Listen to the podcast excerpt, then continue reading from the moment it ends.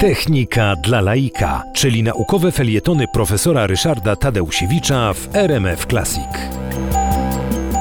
Chciałem Państwu zacząć opowiadać o y, potrzebach i możliwościach energetyki jądrowej. Y, ona w Polsce nie ma dobrej prasy. Złożyło się na to szereg y, czynników. W związku z tym Polska, jako jeden z nielicznych krajów w, we wspólnocie europejskiej, no, z, energii, z energii jądrowej nie korzysta. Ja opowiem, jakie kraje i w jakim stopniu są w tym momencie bazują na, na energetyce jądrowej, ale będę zmierzał do stwierdzenia, że aktualna sytuacja związana między innymi z wojną na Ukrainie powoduje, że trzeba o tej energetyce jądrowej zacząć poważnie myśleć, dlatego że e, Europa generalnie zanadto się uzależniła od e, dostaw węglowodorów w ogóle, a gazów w szczególności e, z Rosji. Okazało się, że większość krajów europejskich, praktycznie biorąc no, niemal wszystkie bez Wielkiej Brytanii i Norwegii, z gazu rosyjskiego korzystają. W Polsce tylko mniej więcej 40%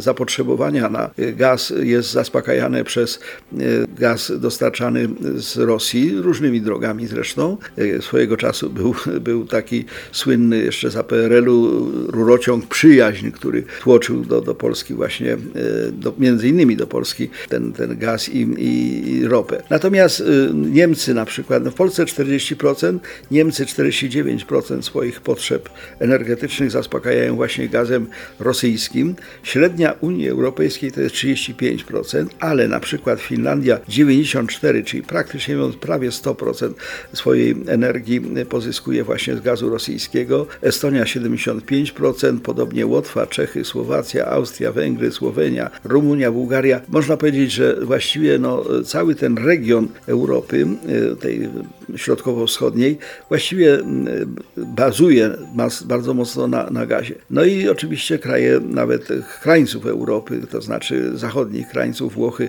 46%, Francja 24%, Hiszpania, Portugalia, Grecja, wszędzie jest gaz rosyjski.